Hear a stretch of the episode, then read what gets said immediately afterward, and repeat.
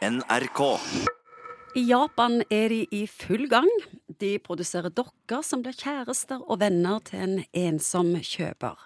På sykehjemmene erstatter teknologien de varme hendene.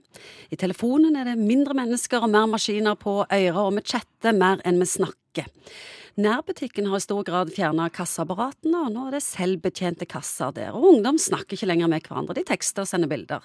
Psykolog Egon Hagen, jeg bare bekymra, gammeldags og tantete nå, eller ligger det en viss fare her? Det jeg tenker sånn om det, det er at det kommer bare å komme mer og mer av det. Og jeg tror den ideen om at vi styrer så mye av den teknologien, det er jeg litt usikker på. Så det handler mer om hvordan kan vi tilpasse oss dette, sånn at vi får mest mulig av fordelen med det, samtidig som vi kan prøve å kompensere for noen av ulempene. Målet er stort. Det gjør verden bedre, mer effektive og mer økonomisk med å bruke mindre mennesker og mer maskin.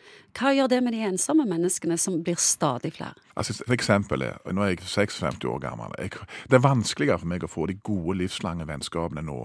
Der har det vært et tidsvindu tidligere hvor jeg har fått de. Men jeg kan jo ha mange venner, nye venner på Facebook. Så det er på en måte et eller annet med kvalitet og kvantitet oppi dette. Så teknologien gir oss jo selvfølgelig muligheter for å få kvantitet på mange ting, men jeg tror ikke du får samme dybden på det. En like betyr ikke at dette er en venn som stiller opp for deg. Når alle disse faste møtepunktene forsvinner ett etter ett, altså når du kjøper billetter eller bestiller en time i banken, handler For mange ensomme er dette eneste møtepunkt de har? Ja, det, det, tror jeg faktisk. Jeg husker jeg studerte i Bergen for mange år siden. Så husker jeg det gikk en historie om at folk gikk ned og lånte støvsugeren i resepsjonen på Fantorp studentby to eller tre ganger om dagen bare for å ha noen å snakke med. Så klart du har et kjempegodt argument at disse naturlige møtepunktene som før var menneskedrevet, de er nå løst av en teknologi. Men jeg tror vi må passe oss veldig sånn at ikke vi ikke kikker på gårsdagens løsninger i forhold til framtid. Jeg tror vi må finne andre måter å gjøre det på, for der teknologien er ubønnhørlig. Kommer vi til å kaste babyen ut med badevannet i forhold til det med å ta mennesker vekk fra møtepunkter? Ja, Vi vet jo ikke helt, for vi står jo foran et eller annet som på en måte er så gjennomgripende og så nytt egentlig at alle disse implikasjonene har vi jo selvfølgelig ikke oversikt over. Det prinsipielle som jeg tror på, er at vi må se framover og så si ok, hvordan kan vi tilpasse oss egentlig de forandringene som er gjort. Mange ting forsvinner. men så er det kanskje noen nye ting som dukker opp. Og er det ting som vi kan kompensere for? Det... Bruke mennesker på de rette stedene?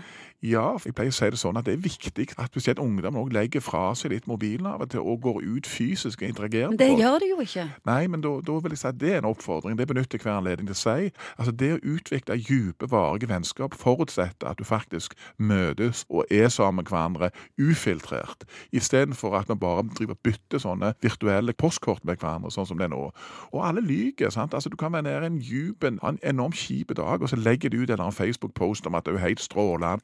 Altså, Lygg nå er på en måte også skaper jo en avstand. For jeg tror på en måte det, jeg tror nærhet òg forutsetter eksponering av sårbarhet. Meg og deg har fortalt hverandre ting, og da får vi på en måte en Jeg passer på deg, og du passer på meg. Og uten den sårbarhetseksponeringen som ligger i dette, så får vi ikke disse dype greiene.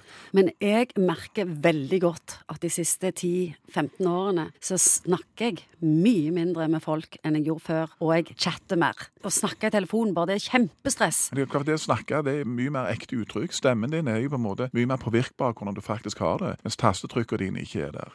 Det er en uh, kollega av meg på sykehuset som har sett litt på hvordan er det pasienter som får kontakt med sykehuset. Og ungdommen vil ikke ta en telefon. De ringer ikke. De gjør bare ikke det. Nei, jeg skjønner det godt. Ja, det, det, sånn har det blitt. Sånn har det blitt. Hvor skal denne klare å navigere mellom teknologi og dette med møtepunkter mellom mennesker og ensomhet? Ja, det Poenget er at nå, nå skjer jo alt så fort. vet du. At Nå lager jo datamaskinene nye datamaskiner. Men samtidig så er det noe med at ok, så kan vi se på disse dukkene som lages i Japan. Seks dukker og alt dette. Ja, og det fungerer for ja, det, mange. Ja, sånn kommer det til å være. Ja, og Disse tingene ble jo bare mer og mer menneskenære og alt dette. Og vi kan mene hva vi vil om det. Teknologien går bare som et tog gjennom livet. Vi må prøve å henge med. Prøve å henge med. Vi får prøve å lage en omsorgsapp, meg og deg. Kanskje det. NRK.